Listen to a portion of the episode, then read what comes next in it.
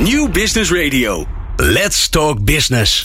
Met nu People Power met Glen van der Burg. People Power is een programma over de kracht van mensen in organisaties. Met interviews en laatste inzichten voor betere prestaties en gelukkige mensen. Deze week gaat Glen van der Burg in gesprek met... Ronald Derks van de gemeente Delft en Bas van Leeuwen van de gemeente Amsterdam. Beide auteurs van het boek De Ideale Ambtenaar. En Matthijs Verburg van ELO is ook weer in de studio. Is een ambtenaar een integere bureaucraat die doet wat er in de regels staat? Door de decentralisering van heel veel taken en verandering in de samenleving wordt er veel meer van ambtenaren gevraagd. Ondernemerschap en verbinding horen nu ook tot de gewenste kwaliteiten van de ambtenaar. Zijn die kwaliteiten eigenlijk wel te verenigen en hoe word je de ideale ambtenaar? In de studio Ronald Derks, directeur Samenleving en Veiligheid van de gemeente Delft. En Bas van Leeuwen, hoofd advies en ondersteuning wonen van de gemeente Amsterdam. En vooral beide auteurs van het boek De Ideale Ambtenaar. En Matthijs Verburg, ondernemer van ELO, die zijn in de studio. En wij gaan samen op zoek naar het antwoord op al deze vragen. En beste luisteraar van People Power, we hebben je hulp nodig. Want we willen graag nog betere programma's maken. En daarvoor hebben we jouw ideeën en mening nodig. Als je ons daarbij wil helpen, en dat hopen wij natuurlijk, vul dan de enquête in die je vindt op peoplepower.radio. En dan danken we je alvast zeer voor je hulp. Fijn dat je luistert naar People Power. People Power met Glen van der Burg. Met Ronald, eh, Bas en Matthijs in de studio. Fijn dat jullie er zijn allemaal. Het is uh, een gezellige volle bak. Uh, met allemaal, allemaal mannen. Gelukkig hadden we in de vorige aflevering allemaal dames. We moeten natuurlijk even de diversiteit een beetje in de gaten houden. Ja, we gaan het hebben over de wereld van de ambtenaar. En die wereld van de ambtenaar die is ongelooflijk in, in, in beweging. Is ook niet zo raar natuurlijk als je ziet hoeveel werk en hoeveel taken en hoeveel verantwoordelijkheden er allemaal naar de gemeentes zijn gegaan. Um, Ronald, help ons een beetje op weg. Hoe groot is die verandering geweest? Nou, die gaat verder dan uh, de afgelopen paar jaar, hè, waar er veel taken naar de gemeente zijn gegaan. Uh, wat wij eigenlijk hebben gedaan, we hebben gekeken naar uh, nou, eigenlijk zo'n bijna 150 jaar terug. Waarin echt, wat jij net beschreef al, het Weberiaanse denken over de bureaucratie leidend was. Waar je als ambtenaar dus nou, vooral regels goed moest volgen. niet een eigen mening moest hebben. En vooral heel secuur en zorgvuldig moest zijn. Nou, we hebben dat zien veranderen van in de jaren 80, waar we kijken naar het zeg maar Thatcherism en uh, Reaganism. Uh, waar opeens de overheid uh, veel meer als een, nou, als een bedrijf moet gaan functioneren. We hebben het over klantgerichtheid en over target en ondernemerschap en dat soort zaken. En nu zitten we in een fase waarin het heel erg gaat over in verbinding staan met de samenleving. Dus waarde creëren met je maatschappelijke partners. Ja, en dan moet je kunnen verbinden. En dat is, ja, dat, dat is nogal wat anders. En, ja. Ik zie ook ineens de, de, de, de kleuren van, uh, god welke is het ook weer, de management drives. Die, ja. die zie ik ook ineens vormen. Die gaan Real volgens mij ook hè, van blauw naar uh, oranje naar groen. Zeg ik dat goed? Ja. ja. Helemaal goed. Ja. Um, ja, en dus denk ik dan, ja, ach ja, weet je, 150 jaar de tijd om te veranderen. Nou, dat moet toch te doen zijn, uh, Bas? Hè? Ja, ja nou, en wat het interessant daarin is, is dat um, je leest vaak over die verandering alsof het heel absoluut is. Dus vroeger ging het zo, en nu moet het op een hele andere manier. Um, wat wij juist heel boeiend vinden, is dat elke rol um, vraagt net weer een andere combinatie van die drie stijlen. Vraagt net een andere combinatie van wat, wat vraagt deze rol van mij. En wat wij ook boeiend vinden, ook tijdens het schrijven van dit boek en ook in de workshop die we vaak met elkaar doen, is dat eigenlijk die klassieke rol van de regels kennen, de regels volgen, um, ook navolgbaar en terugvindbaar zijn. Ja, dat is natuurlijk het, het, bonnetje wat kwijt kan zijn over een belang, belangrijke transactie. Dat blijft heel belangrijk. Dus ook die herwaardering van het uh, ja, het wel kennen van die bureaucratische processen, gelijke input is gelijke output, dat is in sommige rollen gewoon heel belangrijk. Ja, vergeten we dat nog wel eens? Dat dat, dat, dat eigenlijk een soort van fundament is. Dat als je, als je, als je dat, dat ondernemende meer ja. van uh, een gemeente, in jullie geval leiden als een bedrijf, of dat verbindende in de samenleving, dat vergeten dat dat andere ook nog steeds belangrijk is? Ja, nou, um, je ziet vaak wat normatief of absolute lijstjes dat de nieuwe ambtenaar moet voldoen aan X, Y, Z. Ja, proactief. Precies. ondernemend. Uh, KPI sturen ja. op output. Ja. Um, buiten ook uh, ver, verbinding zoeken. Onderdeel van de maatschappij, geworteld en zo. Ja. Dat soort dingen lezen. En dan zie je dat, dat, dat bureaucratisch, hè, gewoon het kennen van de procedure, het kennen van de regels, valt wel eens weg. Maar uiteindelijk is dat wel de, ba de basis voor transparant en ook uh, zorgvuldig handelen naar, alle, naar, naar de maatschappij toe. Ja, en dan, ga ik, dan ga ik het even heerlijk plat slaan. Dan gaan jullie mij ongetwijfeld corrigeren. Um, UWV, Belastingdienst. Hè. Er zijn natuurlijk allemaal voorbeelden geweest waarvan je eigenlijk kunt zeggen, ja, die zijn een beetje kwijtgeraakt waarvoor ze er ook weer waren als basis. En die hebben zeg maar de, de nieuwe taken als hoofddoel gezien. Kan je dat, is dat te kort door de bocht? Ja, die mag jij stellen. Ja, jullie blijven natuurlijk ambtenaren, hè? Ja, Ja, kijk, zelf wat, ook. ehm, ja, moet je een beetje oppassen wat je zegt. ja, dat is de vraag. Maar volgens mij, volgens mij gaat het juist om het vinden van de goede mix. Ja. En ehm, het is ook niet zo dat er één profiel is. Wij, wij, wij zullen nooit beweren, er is een functieschets of een, eh, of een, eh, een vacaturetekst die je kan opstellen van nou, dit is de ideale ambtenaar. Altijd, overal, voor iedereen. Eh, het gaat er vooral om dat je kunt, of dat je bewust bent dat er verschillende manieren zijn om naar je rol als ambtenaar te kijken. En dat je dan ook in staat bent om te schakelen. Dus kun jij in die situatie waarin jij zit de goede punten eruit halen. En daarnaast denk ik ook, ja, je, je, hebt ook, je neemt ook jezelf mee. Dus het moet ook bij jou passen als persoon. Ja, want wat, laten we even naar die ideale ambtenaar gaan. Hè? Dat, want je, je hebt gelijk in je hoofd, ook omdat het enkelvoud is, een beeld van dit is hem. Of Ja. dit is ze vooral. Laten we vooral zeggen dat het een vrouw is. Ehm, maar dat is dus niet zo. Nou ja, wij, wij zeggen in ons boek ook, er zijn twee manieren om naar te kijken. Je kunt zeggen, de ideale ambtenaar bestaat niet. Ja. Of, Voor de kort boek dan. eh, of er zijn honderdduizenden Oké. eh, in potentie. Eh, dus wij eh, we hebben bewust natuurlijk voor een titel als deze gekozen. We willen ook een beetje prikkelen. En we willen ook een beetje spelen met die stereotype beelden. En wij, en we werken allebei al nou, 15 plus jaar bij de overheid. Nou, regelmatig op verjaardagsfeestjes hebben wij alle grappen wel voorbij zien komen. ja. En mijn Ja, opa die, die, zegt nog, die zei tegen me... Nou, Ronald gaat naar zijn werk om uit te rusten. Ja. Ja, maar dat is ook leuk, kun je ook om lachen. Maar het, het, de eerste tien keer wel, ja. ja, ja. Hey, Bas, eh, eh, ehm, hoe kom je dan hierop? Ik bedoel, jullie zijn allebei eh, eh, zelfambtenaar. Je geeft leiding. dat doe je op verschillende plekken. Hoe, hoe kom je dan op dat, dat, dat het hierover moet gaan? Want ja, zo'n boek schrijven, dat, dat begint altijd bij, bij kriebel of bij jeuk of bij, bij irritatie of bij juist opwinding. Ja, die, die kriebel en, en irritatie, is eigenlijk wat Ronald ook net wel al zei. Wij hebben allebei gewoon familie en omgeving en vrienden die zeggen van ja jongens, jullie gaan inderdaad gewoon lekker uit het raam staan eh, lopen staren. Dus wat doe je nou eigenlijk? En we hebben elkaar leren kennen bij een opleiding, een opleiding bestuurskunde, bij Nederlands School voor Openbaar Bestuur.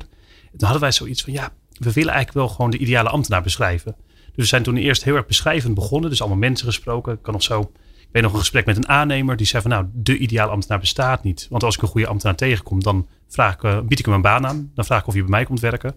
En men uiteindelijk kwamen we een professor tegen en die zei van ja jongens, dat was een Amerikaanse professor. Die zei jongens, jullie zijn zo beschrijvend bezig.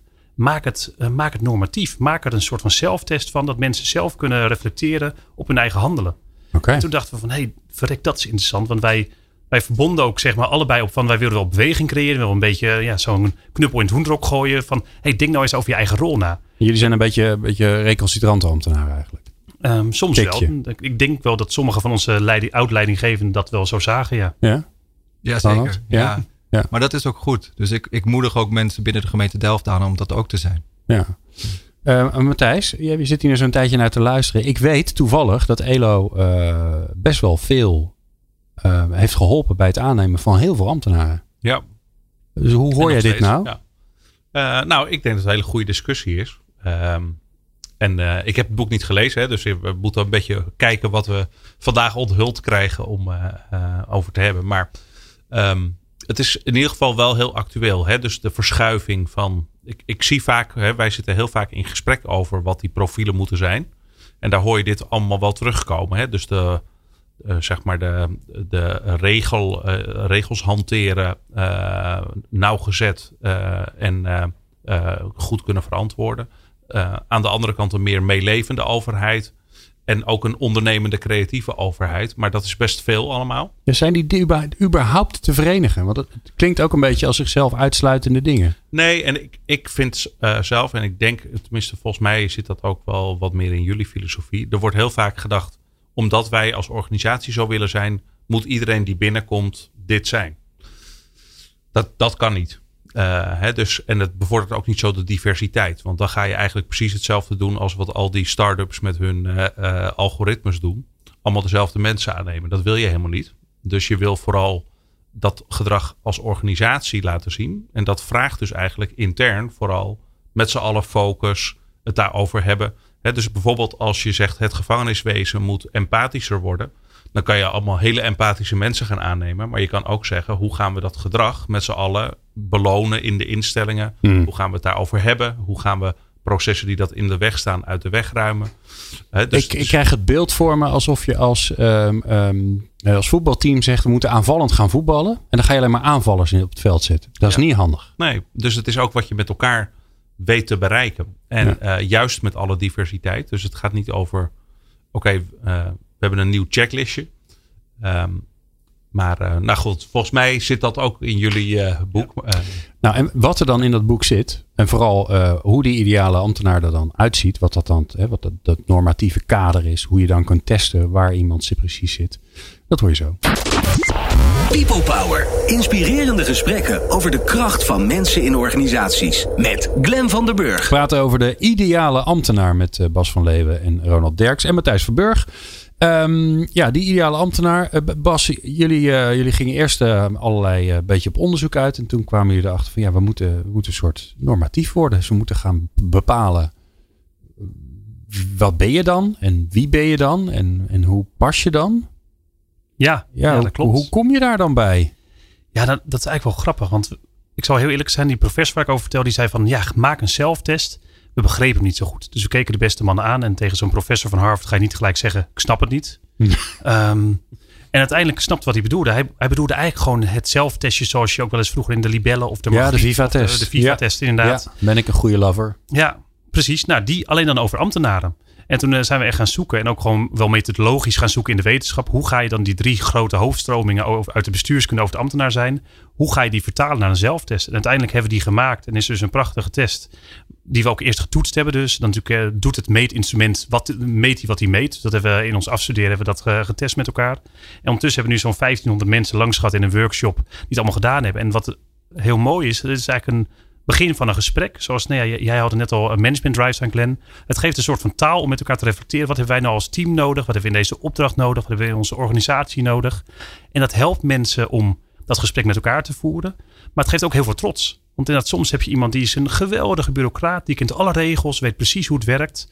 Nou, dan is het soms toch dat niet meer ge- gewaardeerd lijkt. Want ja, het is veel, veel meer sexy om buiten te zijn en in verbinding te staan met maatschappelijke groeperingen. Terwijl ja, zo'n ideale bureaucraat die gewoon alles precies kent, is ontzettend waardevol voor je team. Ja, en, de- maar dat is wel grappig. Dat moet er natuurlijk wel bij zitten, Ronald. Want als dat er niet bij zit, dat waarderende, dan wordt het testen en dan zeg je ja. Nee, je bent inderdaad een fantastische bureaucraat. Die hebben we niet meer nodig. Of eh, het het bevestigt eigenlijk het beeld van, van wie je bent, waar je eigenlijk net op afgerekend bent Ja. de afgelopen jaren. Nou, die, eh, die test is sowieso niet bedoeld voor een organisatie om een oordeel over jou te vellen. Het is echt, eh, de workshop is bedoeld, en die zelftest ook, om jezelf na te laten denken over hoe jij je rollen ziet. Mhm. En inderdaad, eh, hoe wij er naar kijken is, is waardevrij. Dus wij kijken, zeggen niet de een is beter dan de ander. Of het nieuwste is nu wat het moet zijn en het oude kun je weggooien. We kijken echt van nou, kijk nou naar die verschillende stereotypen. Dus die wij noemen de bureaucraat, de ondernemer en de verbinder. En kijk wat je daaruit kunt halen voor jezelf. En wat wel belangrijk is, en dat proberen we te doen met die workshop, het moet wel omgezet worden in handelen. Kijk, als het alleen maar blijft bij denken, eh, nou, dan heb je een leuke middag gehad met ons. Ja. En dan denk je, nou, hè, mooie taal, En je, leuk hebt- je, hebt weer, je hebt weer een stickertje erbij. Hè? Je, je was al blauw, nu ben je ook nog bureaucraat erbij. Van harte. Ja, of een mooie verbinder. Ja, Eh, maar het, gaat het gaat ons juist wat, wa- om die beweging, om die energie. Dus eh, wij hebben niet de illusie dat als je bij ons, hè, dat je een, als je een halve dag met ons praat, hè, dat dan de wereld is veranderd. Maar nou ja, vergelijk met de auto, we zeggen het is wel de bougie. Het geeft een vonkje en het kan een eerste stap zijn in verder. Ja, Matthijs, nou kan ik me voorstellen, want jullie maken heel veel eh, assessments onder meer. Dat jij nu gelijk in je hoofd denkt hoe dan en wat dan en waar dan. En eh, nee. Nou, ja. ehm, ik, kan, ik kan wel wat eigenschappen bedenken die bij alles horen. Hè. Ver- verbinder is natuurlijk altijd wel een. Dat, is- dat vind ik altijd de meest vage van het. eh, hè. Verbinden is ook wel een beetje de term geworden voor, In, hè? voor heel Ja. veel. Ehm, maar, ehm, maar wat ik vooral mooi vind, is dat eh, als het ook een programma is waar je over jezelf nadenkt, is als het werk meer vraagt om meer verbindend te zijn, hoe ga jij dat met jouw talenten dan laten zien? Dus ik, mijn neiging zou eerder zijn, en dat is ook wel de manier waarop we tegenwoordig proberen organisaties te helpen bij selectie. Dat je niet zozeer zegt, dit is de checklist en we gaan kijken of je het hebt. Maar dit is belangrijk. Pitch jij is met jouw talent hoe jij dat kan gaan laten zien. Mm. En uh, dat proberen we ook steeds meer bij de overheid te doen. En ik denk dat het vooral een, een soort keuze is.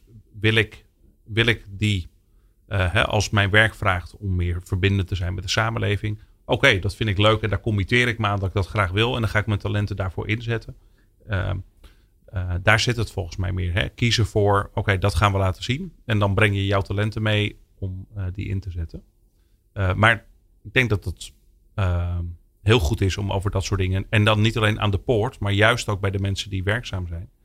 Uh, te kijken van hoe kun je op tijd dat gedrag laten zien. Het is ook zonde als de hele groepen eigenlijk een beetje uh, in reorganisaties terechtkomen. Omdat ze te laat zijn aangehaakt bij er worden nieuwe dingen van me gevraagd. En dat er een hele nieuwe groep in moet die dat dan gaat laten zien. Hè? Dus de kunst is ook hoe krijg je bestaande ambtenaren. Ja, want wie komen er bij jullie langs? Wat, wat, Ambtenaren, kan me voorstellen. ja, het zijn eigenlijk altijd ambtenaren. Ja. Uh, ja je, het, in de kern zijn het mensen die, uh, die het leuk vinden om over hun functioneren na te denken. En dat is heel verschillend. We, als je kijkt naar de type functies, dan zijn het wel vaak beleidsadviseurs, managers, trainees, young professionals, dat soort groepen. HR-professionals. HR-professionals. Okay. En um, nou, aanhakend uh, op wat jij net zei, wat, wat voor ons een hele interessante groep bleek te zijn, zijn dus herplaatsingskandidaten. Of eigenlijk mensen die in een reorganisatie net niet mee kunnen. Uh, die eigenlijk uh, ja, op zoek moeten naar iets nieuws. En wat wij hebben gezien in de workshops als wij dat soort mensen hebben, is dat het heel erg helpt om op die waardevrije manier over die verschillende rollen na te denken. Zij, zij kunnen naar zichzelf, eerlijk naar zichzelf kijken en zien, hé, hey, ik zie ook dat ik wat mis in wat er nu van me gevraagd wordt. Maar ik heb ook iets te bieden. He, dus wij, wij proberen daar heel erg ook de, de trots aan te spreken. Ja, en, en de andere kant, hè? want je hebt natuurlijk het, het individu die je kan helpen met inzicht over zichzelf. Welke rol past er nou eigenlijk het beste bij me? Zo'n zo'n stereotype, dat vind ik altijd. Het is, een, het is een beetje een negatief woord, maar het Mm. helpt natuurlijk enorm om een beeld van jezelf te creëren. Oh, ik ben de bureaucraat en dat is oké. Um, maar andersom is het natuurlijk ook een middel om naar je organisatie te kijken. Te denken, goh, wat heb ik nou eigenlijk nodig? Hoe, hoe gaan jullie daarmee om, Bas? Ja, nou kijk, wat je, wat je ziet, en dat is zowel natuurlijk wat, wat we met het boek nu proberen te geven, is een gemeenschappelijke taal. Dus met een, eigenlijk net zoals nou, die vergelijking met management, drives gaat ook op, dat je met elkaar ze- zoekt, nou ja, in ons projectteam of in onze uh, afdeling. Jeetje, we zijn wel erg uh, met KPI's, met kostenprestatieindicatoren bezig. Nou, dat is wel erg uh, volgens de ondernemer georganiseerd. hey, hoe zitten we eigenlijk op het gebied van archivering, wat veel meer bij de bureaucraat past? Of Ja. hoe zitten we eigenlijk, hebben we eigenlijk al oog voor nou ja, de burger waar we het voor doen? Dus uh, in een gemeente, voor de mensen die in de gemeente wonen, of voor een bepaald ministerie met de doelgroep waar je voor werkt. Mhm. Um, en die taligheid, om dat gesprek met elkaar aan te gaan, kan je eigenlijk ook weer als een soort van krachtenveldanalyse of via de kernkwadranten van Hofman. Dus gewoon waar, waar zitten de zwaktes, waar zitten de uitdagingen, waar zitten bedreigingen. Um, kan je met elkaar gaan, gaan zoeken, hoe voelt dat? En, en, en hoe, hoe doe je dat zelf? Want dat is natuurlijk het grappige. Hè? Want eh, als jullie praten, dan, dan klinken jullie een beetje als consultants. Maar dat zijn jullie helemaal niet. Want jullie zijn zelf gewoon leidinggevende in een gemeente. Ja. Dus hoe doe je dat zelf, Bas, met je eigen club? Ja, nou eentje die ik net ook al in het begin aangaf. Volgens mij, ik heb een grote waardering voor de archivering gekregen. Dus ik, ik ben daar zelf heel slordig in, zal ik ook eerlijk toegeven. Dus ook voor privé en ook op werk. Nou, dan heb ik vaak een stapeltje paparazzen wat ik één keer per maand een keertje goed moet archiveren. Maar uiteindelijk eh, de waardering voor het feit dat een, een overheidsbesluit en ook een overheidsuitvoeringszaak, dat het over tien jaar nog terugvindbaar, terugvindbaar moet zijn. Ja, ik ben zelf heb daar persoonlijk meer aandacht voor. En ook in een team kijken we wel van ja, oké, als we dit nu gaan doen en als hier beleid wordt gemaakt, wat misschien voor de buitenwereld best spannend is. Ja, hoe zorgen we dan dat die besluitvorming zorgvuldig is? En dat je ook over, nou, over vijf jaar of over tien jaar, als er vragen over zijn, wat zijn nou de redenen geweest om voor deze vorm te kiezen? Ehm, ja, dat- dat je daar wel met elkaar over nadenkt. Dus voor mij is het, biedt het ook eigenlijk een soort van bril om te kijken naar de werkelijkheid, naar mijn eigen werk. Ehm, wat zijn mijn eigen ja, eh, valkuilen, omissies, blinde vlekken? En dit was er zo eentje, die, ja, daar was ik zes, zeven jaar geleden Ja. veel slordiger in. En daar heb ik een grote herwaardering voor gekregen. Het ingewikkelde lijkt me bij, bij jullie vak dat je ehm, eh, enerzijds heb je natuurlijk een rol, maar je, maar je hebt ook te maken met de beeldvorming vanuit de politiek, de media die op je afkomt. Hè? Als er dan zo'n bonnetjesgedoe is, dan krijg je ineens weer, oh, we moeten dit meer doen. En als er dan eh, een totaal eh, een paars krokodilverhaal is, dan krijg je juist weer, nee, er moet verbonden zijn met, met, met samenleving. Ehm, die boodschap naar je medewerkers is natuurlijk heel ingewikkeld. Want het is veel ingewikkelder om te zeggen, jongens, we moeten het allemaal zijn. dan uh, dat blijft lastiger in het hoofd hangen dan dat je zegt, nou, we moeten verbindend zijn. Dan gaat iedereen, dat, dat is veel makkelijker eigenlijk. Nou, een, een wat rare beroepsdeformatie, hobby van mij, die is dus kijken naar uh, commentaren op de overheid op nieuwsites. Dus of het nou telegraaf.nl oh, is okay. of AT5 of, of geen stijl. Um, en dan zie je ook dat eigenlijk ook misschien is de, de, baan van ambtenaar zijn is ook echt vakmanschap, net zoals de bondscoach het ook is. Want je hebt gewoon 17 miljoen bondscoaches. En dat is, je hebt ook 17 miljoen ambtenaren. En de kritiek die gaat alle kanten op. Ja, en, dus, en jullie doen het eigenlijk bijna nooit goed. Je toch? doet het bijna nooit goed. Dus ook daar gaat de vergelijking met de bondscoach heel mooi op. Ja. En je ziet dan dat um, als de regels niet strikt genoeg gehanteerd worden, dan is dat fout. Als de regels te strikt gehanteerd worden, dan is dat ook fout als uh, er niet hard genoeg gewerkt wordt op kantoor, dan is het fout. Maar als je ook niet vaak genoeg buiten bent om te zien hoe de situatie echt zit, dan is het ook fout. Dus in die zin is het ook gewoon een heel dun evenwicht waar je als ambtenaar, net zoals de bondscoach, waar je over, over een dunne richel wandelt. En ja. dat maakt het werk ook wel weer spannend. Dus ook daar zit wel weer trots in. Hoe doe jij dat dan met je team, waarbij al die rollen zitten? En uh, Ronald die zit al op, die zit wel heel graag. Zit gewoon, de, gewoon inbreken, Ronald. weet je, gewoon. Nee, wat uh, het. Uh, het belangrijke als je dit soort dingen doet, je moet het concreet kunnen maken voor mensen. Hè, voor, voor individuen ook. En wij gebruiken daar alle twee, denk ik, eenzelfde uh, instrument voor. En dat, noemen, dat is de strategische driehoek van Mark Moore. En wat hij eigenlijk schetst, is er zijn drie domeinen waar je altijd rekening mee moet houden als ambtenaar. Dat is de politiek. En dat is nog steeds waar je legitimiteit vandaan komt. Dat is je eigen organisatie met uh, nou ja, alle de, de cultuur, de, de, aanwezige tijd en de, het geld dat je ter beschikking hebt. En het is de samenleving waar uiteindelijk uh, ja, meerwaarde in gecreëerd moet worden. En jij als ambtenaar staat in het midden. En je zal steeds moeten bewegen tussen die drie domeinen en steeds de goede balans zien te vinden. Dus wat ik probeer te zeggen, ook tegen mijn ook adviseurs waar ik veel mee te maken heb. Het gaat niet zozeer om dat je altijd verbindend bent. Of dat je altijd de bureaucraat bent of altijd de ondernemer. Nee, jij moet in het midden staan en goed naar, vanuit die verschillende belangen kijken. hey, waar moet ik nou een beetje meer naartoe bewegen? Oké, okay. maar zie daar ook de uitdaging.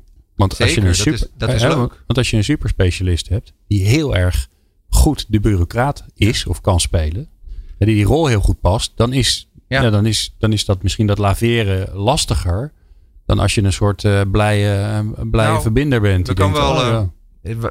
Uh, bij, in de gemeente Delft kan ik zeggen, in het sociaal domein heb je echt ontzettende betrokken beleidsadviseurs. Dat zijn mensen die echt gaan voor de inhoud, die echt, nou zeggen, Delft een stukje mooier willen laten zijn. En een van de dingen die mij opviel is als zij daar gaan praten met bijvoorbeeld de juristen of de financiële mensen, die aangeven, nou, er zit ook wat grens aan. Wat ze gaan doen, ze gaan nog een keer uitleggen waarom het belangrijk is dat we dat doen in de stad. Dus ze, ze vonden het heel lastig om voorbij de inhoud te gaan en te kijken, hey, wacht even, wat is het nou waar eigenlijk die ander op aanslaat. En dat gaat dan over zorgvuldigheid. Dat gaat over het ook goed financieel onderbouwen. Dat gaat ook over binnen de regels handelen. En wat ik heb geprobeerd met, uh, met, met deze mensen is, nou, probeer je nou echt te verplaatsen daarin. Probeer ook te kijken, wat is nou de waarde van die opmerking? En neem dat mee, zodat je uiteindelijk een beter voorstel hebt met een grotere kans van slagen dat er ook echt iets gebeurt in de stad. Ja. Nou, een, een, uitdagende omgeving, uh, als ik dat zo hoor. Um, daar gaan we straks natuurlijk over verder praten. Maar we gaan zo eerst naar de column van Madeleine Strik. En zoals altijd gaat zij weer kijken naar de rol van humor in ons werk. En vandaag gaat ze uh, vertellen over de bijdrage aan creativiteit. Dat hoor je zo. People Power met Glen van den Burg. Meer luisteren? people-power.nl Het is tijd voor de column van Madeleine Strik. Zij is sociaal psycholoog aan de Universiteit Utrecht. En ze werkt aan een populair wetenschappelijk boek over de psychologie van humor. En ze is onze columnist. Madeleine, wat leuk dat je er weer bent. Ja, ja ik vind het leuk om weer, weer te zijn. Ja, uh, van, ja. vandaag over humor en creativiteit. Nou, ik ben heel benieuwd. Nou, dan uh, ga ik beginnen. Uh, nou, creativiteit is volgens onderzoek de belangrijkste soft skill in organisaties. Dus het is de sociale eigenschap waar werkgevers het meest om vragen, wereldwijd. Uh, dat blijkt al een paar jaar uit onderzoek van LinkedIn, het sociale netwerk. Um, in veel beroepen wordt van mensen gevraagd dat ze innovatief, origineel en authentiek zijn. En dat ze met nieuwe ideeën komen en out of the box denken. Nou, de stelling die ik er vandaag in wil gooien is: humor zorgt voor creativiteit. Zowel het maken van grappen als het luisteren ernaar stimuleert onze vaardigheden om met originele en bruikbare ideeën te komen. En dat is de definitie van creativiteit. Dat klinkt misschien als een slechte mop, Maar het is geen geintje. Humor en creativiteit hebben een serieuze relatie met elkaar. Het bedenken en begrijpen van humor is een creatief proces dat weer andere vormen van creativiteit in gang zet. Ik zal dat uitleggen. In humor draait het vaak om het samenbrengen van twee losse perspectieven. Een grapje van Herman Vinkers even als voorbeeld. De kapster vroeg, meneer Vinkers, hoe wilt u geknipt worden? En Herman Vinkers zegt, topless. De twee verschillende perspectieven zijn in deze mop duidelijk te herkennen. Het eerste perspectief is die van de kapsels, het tweede van de erotiek. De humor ontstaat doordat je eerst aan kapsels denkt en dan verrast wordt door die tweede betekenis. Het helpt natuurlijk ook dat een grap een seksueel tintje heeft en dat het politiek incorrect is. Uh, hoe spannender het onderwerp, hoe groter het plezier natuurlijk. Uh, bij creativiteit gaat het ook om het samenbrengen van twee incongruente perspectieven. Denk bijvoorbeeld aan een nieuwe uitvinding, zoals de kaasschaaf. Die is uitgevonden door een Noorse meubelmaker, Thor Björklund. Thor hield erg van kaas, maar hij baalde ervan dat die stukjes die hij afsneed van verschillende dikte waren. Dus op een dag was hij aan het werk in zijn werkplaats en hij bekeek het instrument waarmee hij het hout voor zijn meubels bewerkte, de houtschaaf. En opeens dacht hij, hé, hey, die kan ik ook gebruiken voor mijn kaas. Dus dat creatieve idee komt ook door het samenbrengen van twee losse werelden. Van het eten en die van het meubelmaken. Dus wat hebben humor en creativiteit met elkaar gemeen? Het zijn allebei creatieve processen. En daarom kan humor ervoor zorgen dat je op andere vlakken creatief wordt. Het stimuleert het vermogen om nieuwe, verrassende verbanden te zien en los te komen van vaste denkpatronen. Uit wetenschappelijke experimenten blijkt bijvoorbeeld mensen die een half uurtje naar een comedy show kijken of luisteren, daarna creatiever zijn. Vergeleken met een controleconditie van bijvoorbeeld een mooie, maar serieuze natuurdocumentaire. Om de creativiteit te stimuleren helpt het dus om niet de hele tijd maar serieus te zijn. Ook samen is iets geks te doen, grappige anekdotes uit te wisselen of ze te beluisteren. Nu hoor ik je denken, ja, maar heeft dat dan niet te maken met samen iets leuks doen? En werken andere leuke dingen dan ook, zoals bijvoorbeeld een wijnproeverij of een diner? Nou, prima natuurlijk als je dat samen met je collega's doet, maar het heeft niet dezelfde invloed op creativiteit. Humor maakt niet creatiever omdat het leuk is, maar omdat het zelf creatief is. Mooi. Ik, wij zaten hier al stiekem te juichen in de studio toen jij begon over de wijnproeverij. Maar ja, helaas. Ja, dus ik, ik wilde al gaan zeggen, nou mannen, dan gaan we nu over naar de wijnproeverij. Maar ik denk dat ik een grap moet maken. ja, het kan ook gecombineerd worden, heb ik gemerkt. Oké, ja, een, een grappige wijnproeverij. Ja, een ja, wijnproeverij met... wat uh, grappige anekdotes uitwisselen tijdens een wijnproeverij. Nou, die komen vanzelf als je maar genoeg wijn proeft. Ja, klopt. hey Madeleine, dankjewel. Ja. Jij, ja, ja, elke maand uh, bewijs jij meer waarom het zo belangrijk dat dingen uh, leuk zijn en dat je met elkaar, ja. met elkaar lacht. En dat is bijna niks, niks wat ik liever doe. Dus dankjewel weer. Goed zo, graag gedaan. People Power met Glen van den Burg. Ronald Derks van de gemeente Delft, Bas van Leeuwen van gemeente Amsterdam en Matthijs Verburg van de gemeente Houten, want daar zit Elo, uh, die zijn in de studio. Uh, we hebben het over de ideale ambtenaar, dat altijd uh, nou ja, een, een, alleen op zichzelf al prikkelend is. Want bij, ja, voor mij denk je bij ambtenaar niet gelijk aan iets wat ideaal is, op een of andere rare manier, terwijl wij er ondertussen zijn achtergekomen. En de wereld is heel dynamisch en je, en je zal het maar mogen doen, want ja, dat is een behoorlijke uitdaging. Um, waar ik eigenlijk met jullie naartoe wil, is uh, nou hartstikke mooi. Je hebt een mooi boek geschreven, er staan allerlei dingen in. Je hebt de drie stereotypen waar je mee kunt werken. Nou ben ik uh, jullie collega. ik doe ongeveer wat jullie doen. Dus ik ben verantwoordelijk voor een groep ambtenaren. Bij een gemeente of bij een, bij een, een andere, andere instelling, een ministerie of een ZBO of nou noem ze allemaal maar op.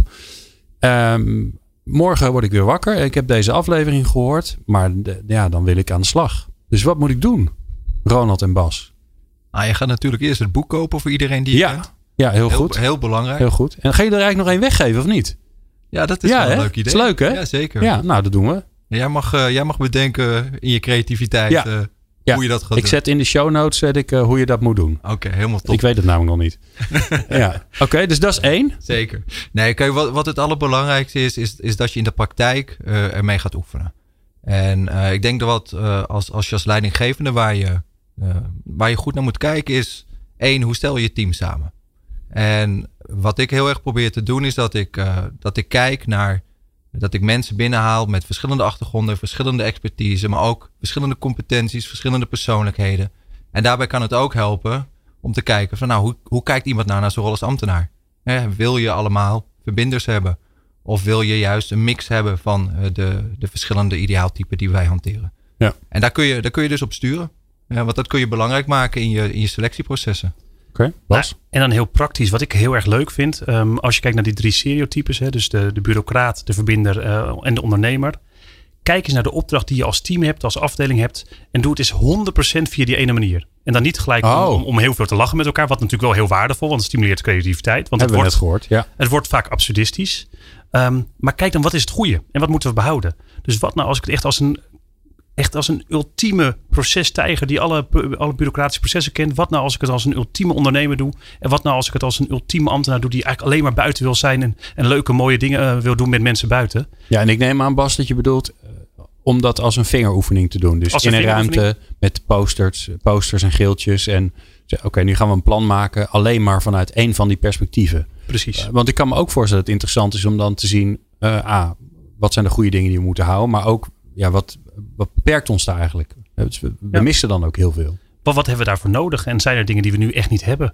Nou, het voorbeeld wat ik net al noemde. ehm, er is nou, niet, niet bij alle overheidsorganen is meer een goed archiveringssysteem. Waarbij je gewoon redelijk snel dat spreekwoordelijke bonnetje kan vinden. Ja. Nou, als je zegt dat vinden wij met elkaar toch belangrijk. eh, dat we navolgbaar blijven handelen. Nou, dan moet je in ieder geval eens met de ICT'er gaan praten. Hoe organiseren we dat met elkaar? En je moet dus snappen wat je, wat je taak is. Ja. Wat, je, hè, wat, wat er van je verwacht wordt. Nou, eigenlijk, wat, wat is je opgave? Hè? Ja. Waar sta je nou voor? En eh, dat is ook, ehm, eh, ook hoe ik probeer leiding te geven. Ik ga, niet, ik ga je niet stap voor stap vertellen wat je moet doen. Maar we moeten het wel met elkaar eens zijn over wat vinden we nou met elkaar belangrijk? Hè? Wat, waar, waar streven we naar? En wat zijn de uitgangspunten die we hanteren om daar te komen? En ja, dat, volgens mij als je die vraag met elkaar kunt beantwoorden, ja, dan kun je van start. Ja. En dan helpt het, denk ik inderdaad, om in het absurde te gaan. Om het heel groot te maken. En dat ik kijk, nou, wat blijft er dan nog steeds overeind? Als je het absurd maakt, welke kwaliteiten blijven nog steeds overeind? En er wordt ook heel duidelijk, wat jij ook aangaf, wat, er, ja, wat je eigenlijk liever kwijt kan. Ja. En Bas, we hebben- eh, eh, je hebt het zelf gedaan. Ja, De, en wat, wat gebeurt er dan? nou er wordt hier van een hoop gelachen. Want, Ja. want, want het wordt zo absurd. En dan zie je ook al ehm, waar, waar sommige mensen wat eigenlijk bijna een taboe lijkt te zijn. Eh, dus ik, nou, ik had toevallig laatst nog aan de hand van ja, stel nou dat we deze brief op dit manier, die redelijk, eh, een brief die redelijk formeel was, als je die communiceert. Ja, hoe zou die bij jou zelf eh, aankomen als je dus gewoon inderdaad als, als, als bewoner deze brief krijgt? Ja, nou, toen kwamen mensen met een, een van, ook uit een eigen mailbox met een paar voorbeeldjes van bijvoorbeeld eh, andere overheidsorganen die ze zelf hadden ontvangen. Bij eentje was het, dank voor uw aanvraag. De reactie kan enkele weken tot enkele jaren op zich laten wachten. Echt waar? Ja, nou, ja. Ik heb, die mail heb ik, eh, ik denk drie weken geleden gehad. Echt waar? Ja. Je kan nog even wachten. Ja, Daar, Ja. daar ga ik Formeel was Ja. hij juist. Ja, ja. Het was een formeel juiste inschatting van wat er zou kunnen gebeuren. Ja. Ja. Ja. Ja. Maar in de verbinding was hij niet handig. Nee. Maar andersom is hij ook. Hè? Want wat het, je merkt toch dat, dat je ook in de voorbeelden snel in die inderdaad de paarse krokodil, hè, het doorgeslagen bureaucratische schiet. Eh, wat ik het mooie vind is dat jullie zeggen, ja, maar je hebt het alle drie nodig. Dus je moet voor alle drie die waardering hebben. Dus hoe kom je dan van ehm, eh, de, extreme, hoe kom je dan weer bij de andere van de, van de drie ehm, rollen die er zijn? Nou ja, je kan ze eigenlijk afmeten. Hè. Dus ehm, als je begint bij de bureaucraat, zorg dat, dat je de procedure helder beschrijft. U heeft een aanvraag gedaan. Dat betekent dat we nu deze twee stappen of drie stappen, of nou, voor mij maar tien stappen als het heel complex is, dat je die helder uiteenzet, dat het ook die procedure helder is. Ja. Dat je dan de ondernemer gaat ook over hoe snel kan je iets leveren. Nou, wij verwachten bij elke aanvraag dat we die gemiddeld eh, binnen zes weken oplossen. Ehm, als u een zeer uitzonderlijke casus bent, dan zou het langer kunnen duren. En dan is de tijdsindicatie X, Y, Z. Ja, ja. En tegelijkertijd wel qua taalgebruik. ehm, zorg dat je verbinding legt. Dus zorg, nou wij snappen dat dit voor u haast heeft. Want het is belangrijk omdat. Ehm, ook geen jargon gebruiken. Want je ziet nog zoveel brieven die. Ook ik, nou ik werk in dat al eh, nou, 14 jaar bij de overheid. Dat ik denk van ja, maar ik snap dit zelf niet eens wat er, wat er nu wordt uitgekraamd. Ja, dan laat staan dat iemand eh, eh, buiten het begrijpt. Nou ja, ook daar kan je ook al gewoon heel klein kijken van ja. is dit gewoon mensentaal. Ja. Matthijs, het, het klinkt als, als een gewoon team. Ja, eh, en ehm, ik, ik denk dat het ook wel nodig is. Hè? eh, want we, ehm, het, is, het is niet altijd zo dat je een. eh, jullie zijn volgens mij hele fijne leidinggevenden. Eh, er zijn ook natuurlijk leidinggevenden die zelf best wel moeite hebben met zich aanpassen. Laat staan dat een heel team zo met zich over zijn gedrag kan praten en experimenteren. Dus ik, ik gun ook de ideale ambtenaar wel een beetje lef om af en toe te denken: ik snap wat de bedoeling is. Hè? Daar heb ik een goede connectie mee. Maar ik zie dat we nu een beetje uit de pas lopen of het misgaat of wat dan ook. Dus een beetje lef om dingen aan te kaarten en te zeggen: ik ga het eens even anders doen. Of ik wil in ieder geval eens bespreekbaar maken: het moet anders. Dat is denk ik ook wel nodig. Hè? Dus een, beetje een soort eh, ambtelijke ongehoorzaamheid. Eh, en dan niet zozeer om zelf alles maar eh, anders te gaan doen. Maar wel om een beetje het vuur aan te stoken van... volgens mij loopt het nu even niet goed. En dat is volgens mij wat, ehm, nou, wat ook de maatschappij soms wel eens een beetje vraagt. Hè? Van, ehm, dat er een ambtenaar opstaat en zegt... eh, eh, we gaan dit eens eventjes anders doen, want dit loopt zo niet. Ja. Ja, want als je naar die drie rollen kijkt, hè, wat, wat, eh, jullie zijn leidinggevende. Leidinggevenden spelen, zeker als de hiërarchie nog stevig is, een hele belangrijke rol. En dat hebben we ondertussen geleerd van Google. Ook als die hiërarchie minder stevig is, speelt die leidinggevende nog steeds een hele belangrijke rol. Ehm, wat, wat zegt jullie, eh, jullie ideale ambtenaar over die leidinggevende? De ideale leidinggevende ambtenaar? Ja. Ronald. Nou, één is dat je denk ik als leidinggevende jezelf niet groter moet maken dan je bent. En ik bedoel daarmee dat je dat, nou, ik zeg, ik moet zeggen wij, hè, want ik ben er ook één, een leidinggevende. We hebben wel eens de neiging om zelf eh, de inspirator te willen zijn. Eh, zelf degene te willen zijn met de meeste kennis. Eh, zelf degene met, met de visie. Terwijl ik heel erg geloof wat je, wat je moet proberen te doen, is dat je de mensen om je heen in staat stelt om die competenties of die talenten eh, te etaleren. En dat jij daar een rol in hebt. En dat het soms zo is dat als er een keuze gemaakt moet worden, dat er nog steeds een hiërarchische structuur is. En als mensen het niet met elkaar eens worden waar een beslissing moet worden genomen, ja, daar moet je niet voor weglopen. Maar wat, wat ik heel erg stimuleer in, in, in mijn teams, in mijn afdelingen, is leer met elkaar. Organiseer inspiratie met elkaar. Hè, haal eens een leuk iemand naar binnen. Nou, we hebben het eh, net even tussendoor gehad over Jeroen Buscher. Ja. die ook meeschrijft in ons boek. Nou, haal zo'n kerel eens binnen en laat hem vertellen over hoe hij kijkt naar leidinggeven. Ehm, en je ziet ook dat als je, de, als je mensen daarop aanspreekt en die vraag ook teruglegt, ja, dan, dan nemen mensen ook over het algemeen die verantwoordelijkheid wel. Maar als ik die ruimte neem, ja, dan gaan mensen ook achterover zitten en zeggen, nou, zeg het maar baas. Even heel Ja, eh, ja, kort door de bocht. En dat betekent dus ook dat je regelmatig op je handen moet gaan zitten. En dat je je handen op je rug moet houden als andere mensen dingen doen. Want ja, dan geef je ze de ruimte. Want eh, precies wat Ronald zegt. Als jij die ruimte inneemt, dan kan iemand anders die ruimte niet meer innemen. En ook wel wat hardop benoemen. Ook gewoon zeggen, ja, um, hartstikke leuk. Maar soms is het beter om eh, vergiffenis achteraf te vragen dan toestemming vooraf. Als jij gewoon ideeën hebt en dat kan nu. En je ziet mij nergens rondlopen. Ga het gewoon doen. En kom dan achteraf bij me langs. En ja, soms doet het even pijn en schuurt het. En vind ik dat ook ongemakkelijk. Maar doe maar gewoon. Maar ik, ik hoor jullie eigenlijk eh, tussen de regels zeggen: we hebben nu een boek geschreven over de ideale ambtenaar. Hartstikke goed, daar kunnen we mee aan de slag. Maar als jij een ideale leidinggevende ambtenaar wil worden, dan moet je nog even wachten op ons volgende boek. Want dat is een ander boek. Nou, er staan ook, de, Jeroen heeft een aantal bijdragen in het boek geschreven. Ja, En dat, gaat, dat richt zich specifiek op de leidinggevende. oké. En nou, daar, staat ook, daar staat ook dit soort dingen in. Eh, waar, waar ik zelf ook heel erg in geloof, is wel ook als leidinggevende van hey, het is niet helemaal grenzeloos. Ja, als je mensen eh, vrijheid wil geven, zeg- zijn grenzen ook belangrijk. Hè? Dus zonder grenzen geen vrijheid. Maar daarbinnen geef mensen ruimte. En nou, wij hebben wel, ik kan wel zeggen, we hebben nog niet eh formeel besloten dat we een nieuw boek gaan schrijven. Maar rond leiderschap, dat zou best wel eens kunnen dat we daar nog eh, Ja, een boek over gaan Bas, schrijven. ja, Bas. Ja. Ja, Ja. Ja, ik, ja ik- het leek alsof je Idee twijfelde. is Maar, geboren. ja. Nou, van harte gefeliciteerd met jullie aanstaande boek. Ja, dankjewel. Jullie zijn in verwachting. Leuk. Nou, deze heeft ook vier jaar geduurd. Dus, Vier eh, jaar. Oh. oh. Ja. Nou, dan hebben jullie wat te doen. Ehm, ja, Matthijs, ik kijk een beetje naar jou voor, die, voor, de, voor de nastoot. Wat, wat neem je mee naar huis? Nou, ik ga zeker het boek eh, eh, kopen en lezen. Eh, Ja. Want ik ben wel heel benieuwd. En eh, ja, volgens mij eh, zou de overheid, hè, we, hadden, we telden even 900.000 mensen ongeveer Ja, zijn ongeveer, werkzaam hè, als ambtenaar. Dus dat is nogal wat. Dus eh, dat mag ook een hele bonte verzameling zijn, denk ik. Maar eh, het is volgens mij hartstikke goed om eh, te kijken hoe je, hoe je dat weer goed kunt laten aansluiten bij deze tijd. Al die organisaties. Dus, Ja, Ja. ja. Wat ik ook wel interessant vind, en dat hoeven we vandaag niet te, beant- te beantwoorden, want we zijn door de tijd heen, maar het is een soort herwaardering van het ambtenaarschap. Hè? Want het, Ja. jullie zijn allebei hartstikke enthousiast over je werk. En terecht, want je, je, je mag de samenleving dienen. Ehm, en daar hangt toch nog een beetje te- een verkeerd stigma volgens mij overheen.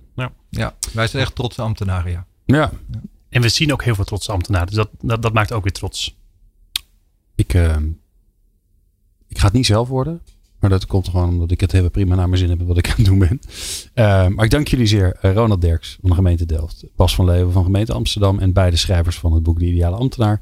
En Matthijs Verburg van ELO. Leuk dat je er was Matthijs. Tot volgende maand. Tenminste, ik ga ervan uit dat je er weer bent. Misschien een leuke collega. Ik weet het ja, ligt er een beetje aan. Wat we gaan doen. Ja, wij zijn redelijk van het, eh, van het agile organiseren. Ja. Ehm, in de volgende aflevering van People Power, eh, want hier, komt het natuurlijk weer aan. Nou, zijn naam is al gevallen. Gaat eh, Jeroen Buescher bij People Power Change in gesprek met Martijn de la Haye. Hij is directeur marketing en communicatie van AFAS. En zoals altijd gaat Jeroen weer in gesprek met hem als eh, changemaker in de organisatie. Om te kijken hoe doet hij dat nou eigenlijk. En dat hoor je straks. Meepraten of meer programma's? people-power.nl